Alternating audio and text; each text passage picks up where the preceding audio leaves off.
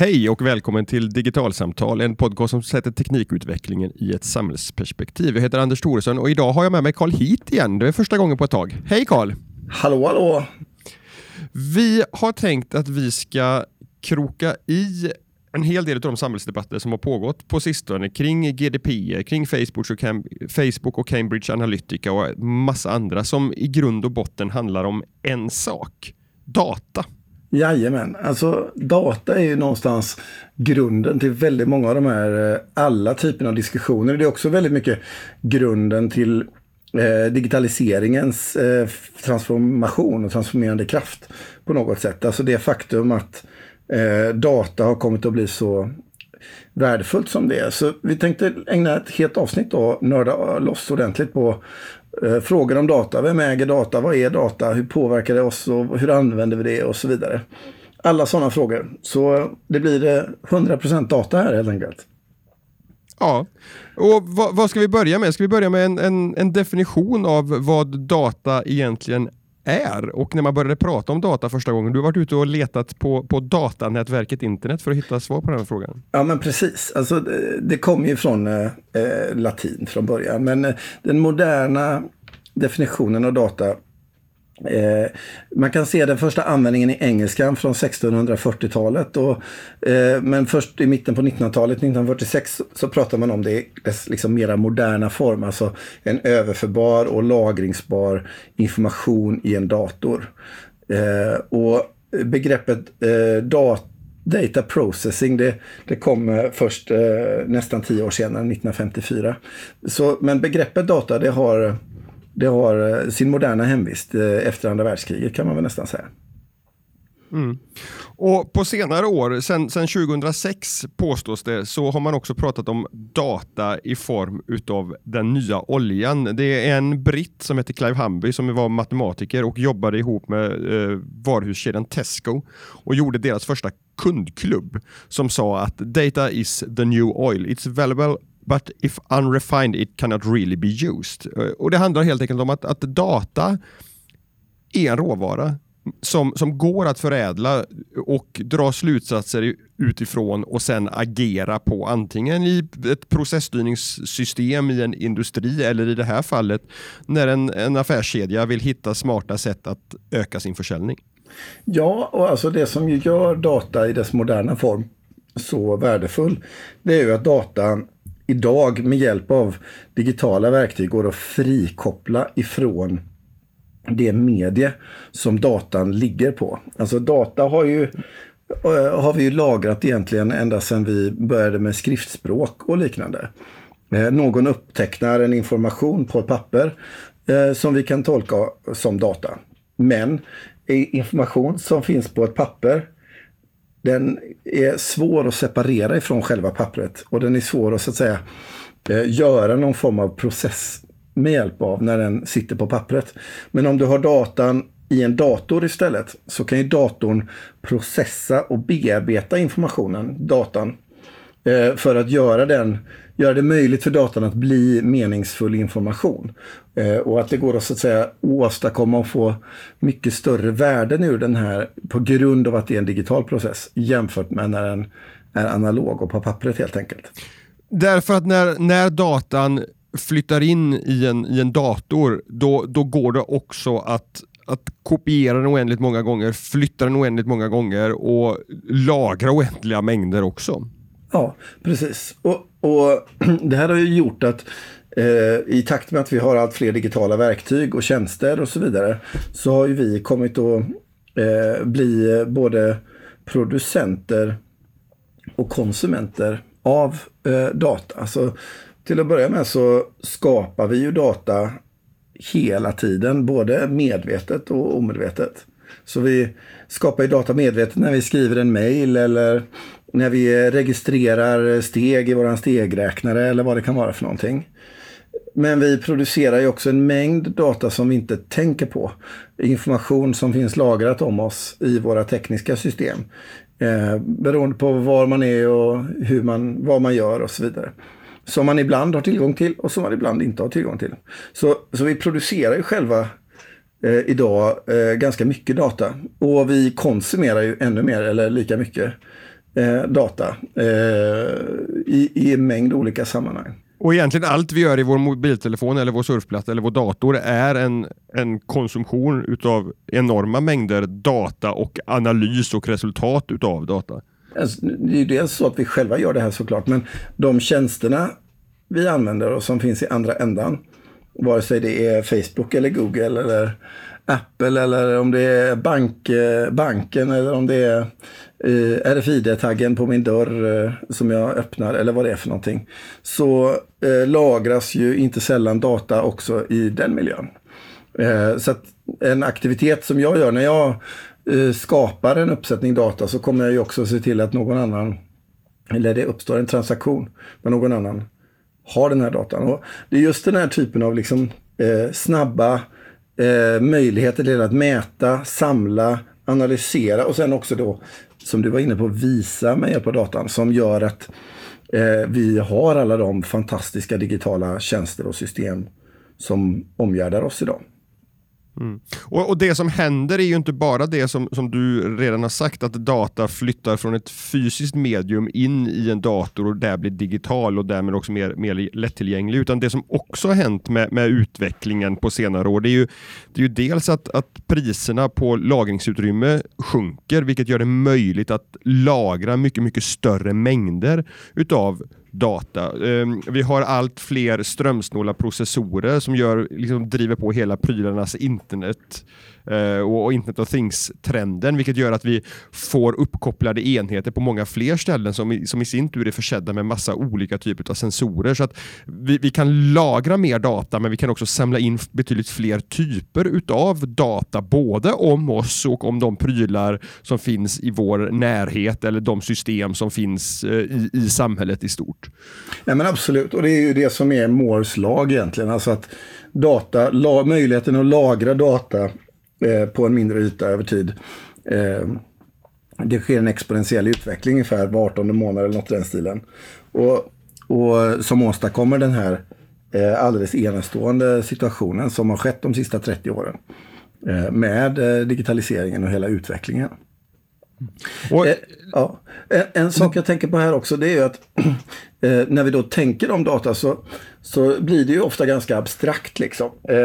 Men, men det som är spännande det är ju när man börjar titta på liksom, men vad är det för data, hur ser det ut? Och eh, vad kan man göra med all den här datan? Och vad är det liksom som, eh, vad, vad, kan man se för exempel på att just tillgången till data förändrar våran relation till eh, liksom hur vi handlar eller eh, vilka beslut vi fattar eller hur vi arbetar och sådär?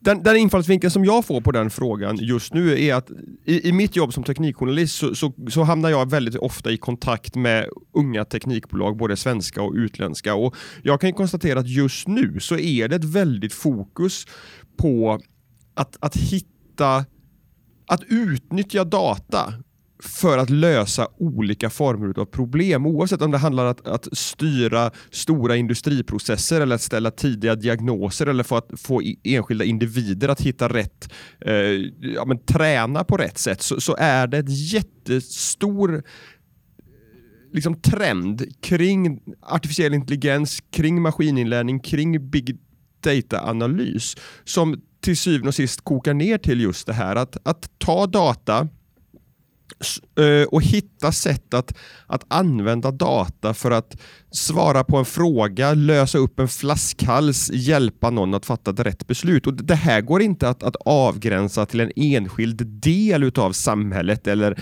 en individs liv, utan det, det, det finns företag som, som kommer tillämpa dataanalys för att lösa utmaningar på, ja, jag skulle vilja hävda varenda aspekt utav mänskligt liv på jorden. Eh, och det är ju mycket det som är eh, liksom en av ja, de absoluta grunderna till liksom den digitala transformationen av samhället som vi nu eh, är en, liksom mitt, mitt i. Och en sak som jag tycker är fascinerande och som eh, stämmer till eftertanke det är just den här övergången ifrån när vi har analoga system till när vi går in i digitala processer. Eh, för med våra analoga processer så, så eh, är det ju som sagt svårt att mäta, det är svårt att underhålla data och det är svårt att göra stora analyser. Eh, men väldigt ofta när vi pratar om offentliga processer så har de liksom hela modellen för hur vi tänker om de här processerna utgår ifrån att datan är analog. Jag har jobbat mycket i utbildningssektorn. Om jag skulle bara ta ett sånt ganska tydligt exempel så så eh, kan vi diskutera hur vi gör när vi mäter på vilket sätt vi förstår hur en elev lär sig någonting. Eh, I skolan och eh, i forskarvärlden generellt så vet vi att det är på det stora hela väldigt svårt att mäta kunskap. Och så försöker vi göra så att säga godtyckliga mätningar för att åtminstone ha någonting att säga i den här frågan. Och de godtyckliga lösningarna vi har haft under en längre period det är att vi sätter betyg på elever och att vi låter elever skriva nationella prov. Och ibland så är vi också inblandade i PISA och PISA-undersökningar till exempel. Och vad som kännetecknar den här typen av eh, mätsystem det är ju att de är lågfrekventa. Det vill säga vi mäter ungefär någon gång om året eh, och rapporterar till staten hur en elevs kunskapsnivå är. Och det är den här lågfrekventa mätningen som blir utgångspunkten för hela vår samhällsdiskussion om kvaliteten i utbildningssystemet. Eh, så vi har en begränsad mängd information mot vilken vi försöker göra stora analyser. Och Sen ägnar vi också väldigt mycket politisk diskussion om själva företeelserna betyg och nationella prov. Hur ofta ska vi ha dem? Hur många och så vidare. Men det är fortfarande fråga om en väldigt lågfrekvent mätning. Men vad vi ser nu i en allt mer digitaliserad skola, det är allt fler tjänster som dyker upp som jobbar med det man kan kalla för högfrekvent mätning. Eh, ett exempel på det, det är adaptiva läromedel. Det vill säga läromedel som är digitala, eh, till exempel i matematik. Där man som elev eh, jobbar med det här digitala läromedlet och Eh, där läromedlet känner av till exempel hur lång tid man gör en viss arbetsuppgift eller på vilket sätt man går tillväga för att lösa en viss arbetsuppgift. Och på det sättet så förstår den där och då när den jämför min prestation med alla andra som tidigare gjort samma prestation så vet de på ett ungefär hur bra jag är just exakt i den situationen och anpassar då eh, den utmaning jag får i nästa uppgift i eh, det här eh, digitala läromedlet. Så att jag får en, eh, ett motstånd som är precis lagom i relation till där jag är. Och vad det här får för konsekvens det är ju att man kan landa i ett konstaterande att det här digitala läromedlet det har ju en oerhört hög frekvens i sin mätning. Det vet ju vid varje enskilt tillfälle som jag jobbar med matteboken den digitala matteboken så vet den både min kunskapsmässiga position och min kunskapsmässiga progression, det vill säga hur fort jag rör mig från en punkt till en annan. Så genom den här ökade frekvensen så blir det möjligt för det här läromedlet att veta oerhört mycket mer om min eh, kunskapsnivå, mitt förhållning till matte, än vad nationella prov och betyg har möjlighet att åstadkomma. Och Det här tycker jag är oerhört fascinerande för givet att skolan kommer ifrån en analog kontext och eh, de här sätten att mäta på är hämtade och sprungna ur en analog kontext så, så pratar vi väldigt mycket om det och det blir en politisk debatt och så vidare. Men framväxten av de adaptiva läromedlen och möjligheten till högfrekvent mätning och vad det kan innebära både idag och för det kommande decenniet, det har vi en mycket liten diskussion om. Och för mig så kännetecknar det så att säga eh, lite grann en omogenhet just i det här segmentet på faktiskt vad data är och hur det kan användas och så vidare. Medan i andra marknader så, och sammanhang och kontexter så har den här övergången redan skett för länge sedan. Men, men, det intressanta här är ju att, att, att genom digitaliseringen så möjliggörs en mycket högre frekvens utav data insamling och därmed också helt andra möjligheter att, att använda den här datan för att analysera och dra dra slutsatser och, och, och fatta beslut. Och jag, jag, kan dra en parallell, liksom flytta ner det här till det personliga planet, det individuella planet och det jag sa tidigare om möjligheten att mäta data på många olika ställen. Jag, jag är väl lite halvfast i att, att köpa Kickstarter-projekt, eh, men, men det, det, senaste som jag har backat nu och som jag väntar på leverans på eh, in, under sommaren, det är ett par uppkopplade iläggssulor till mina skor som ska mäta hur jag står och går. Därför jag har som många andra kontorsarbetare problem med, med, med rygg, ryggont ibland och, och, så vidare och har ett ståskrivbord och har varit hos ergonom vid något tillfälle, en enstaka datapunkt och fått reda på så här ska du stå och få hjälp att se till att jag hamnar rätt. Men det, det hjälper inte för man glömmer bort det och så går man tillbaka och får ny hjälp och, och, och ser man fast i det här. Medan de här uppkopplade sulorna då med, med trycksensorer i säger att med hjälp av datainsamling, maskininlärning och alla de här buzzwordsen som, som vi pratar om kontinuerligt kontinuerligt under min arbetsdag ska kunna tala om för mig att ja, men med notifiering i, i mobiltelefonen att nu, nu väger du för tungt på hälarna eller vad det nu kan vara. Korrigera din hållning så kommer du inte vara lika trött i ryggen när arbetsdagen är slut. Och, och det, det, här är, är just ett, ett resultat av de möjligheterna som kommer med billigare elektronik, billigare sensorer, strömsnålare och datainsamlings och analysmöjligheterna.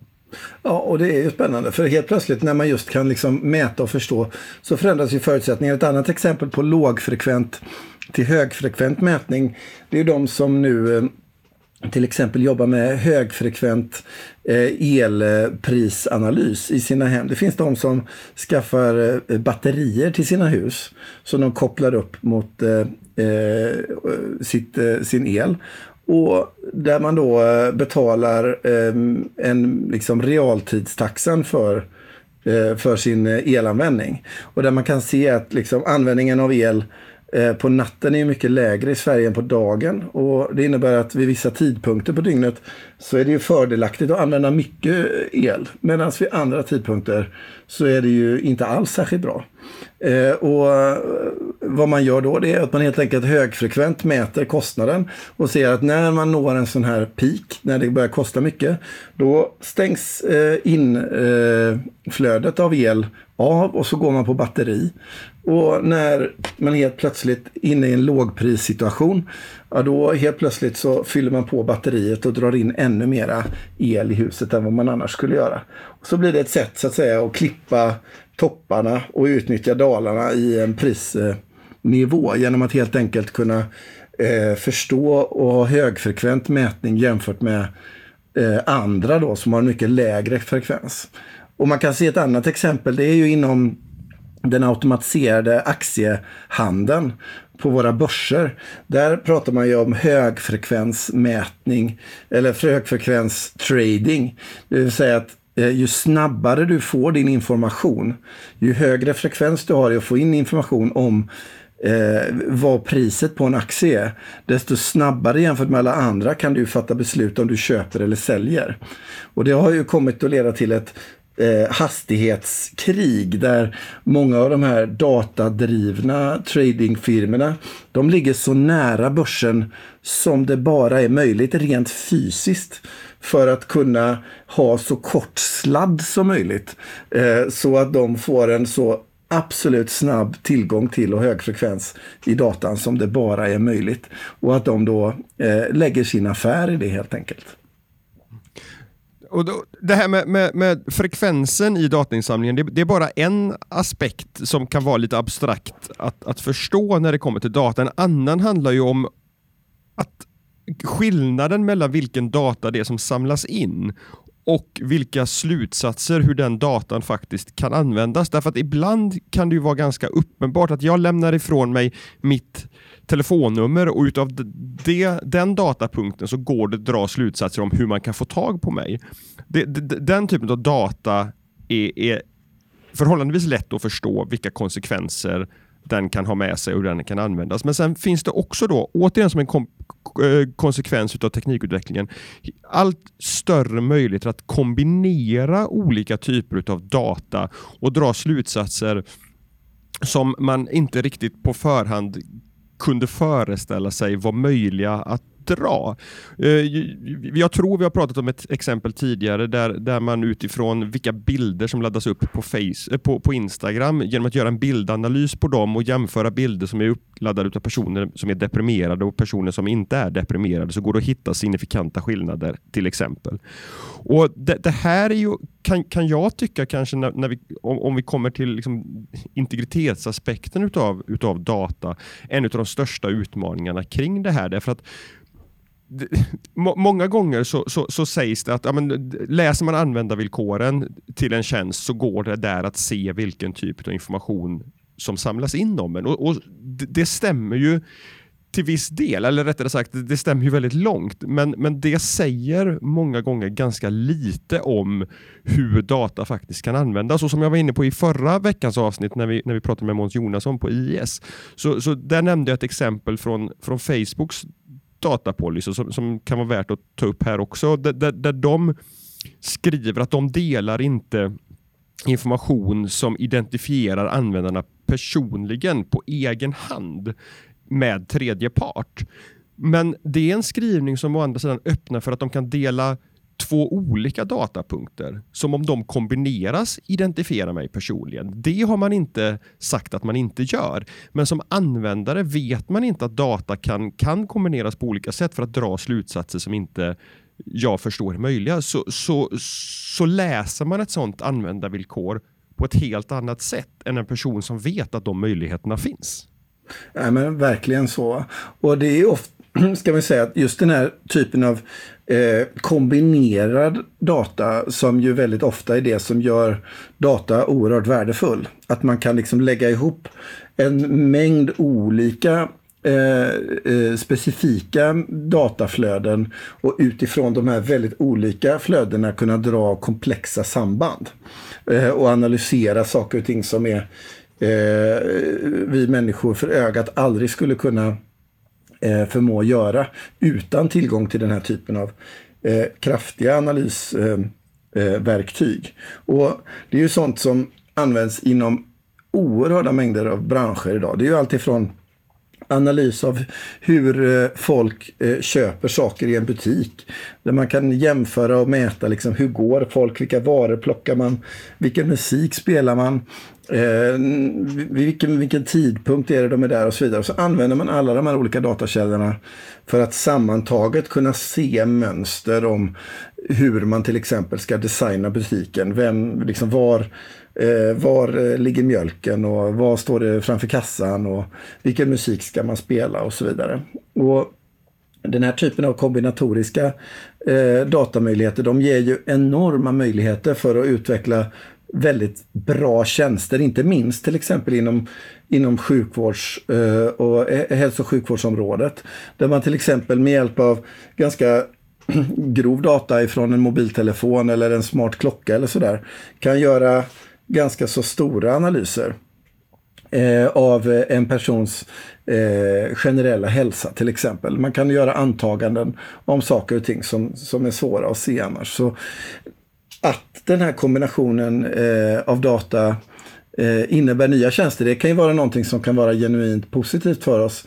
Men det kan också vara någonting som vi kan eh, ibland känna ett visst obehag inför. Och, och som med så mycket teknik så hamnar man ju så ofta i den typen av diskussioner. att eh, Det handlar ju liksom om vad vi människor väljer att göra med datan.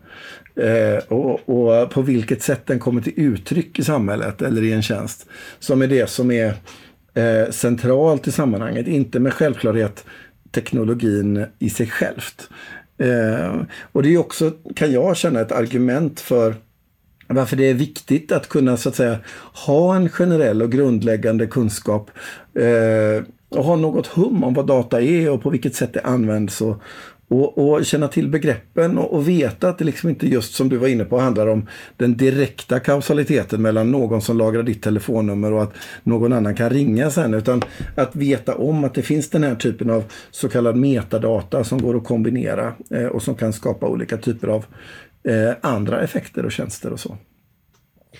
Och, och, här finns det, för, för den som vill, vill hitta exempel på vad dataanalys kan användas till, så finns det ju ett antal stora svenska forskningsprojekt, både som är igång och är under uppseglande.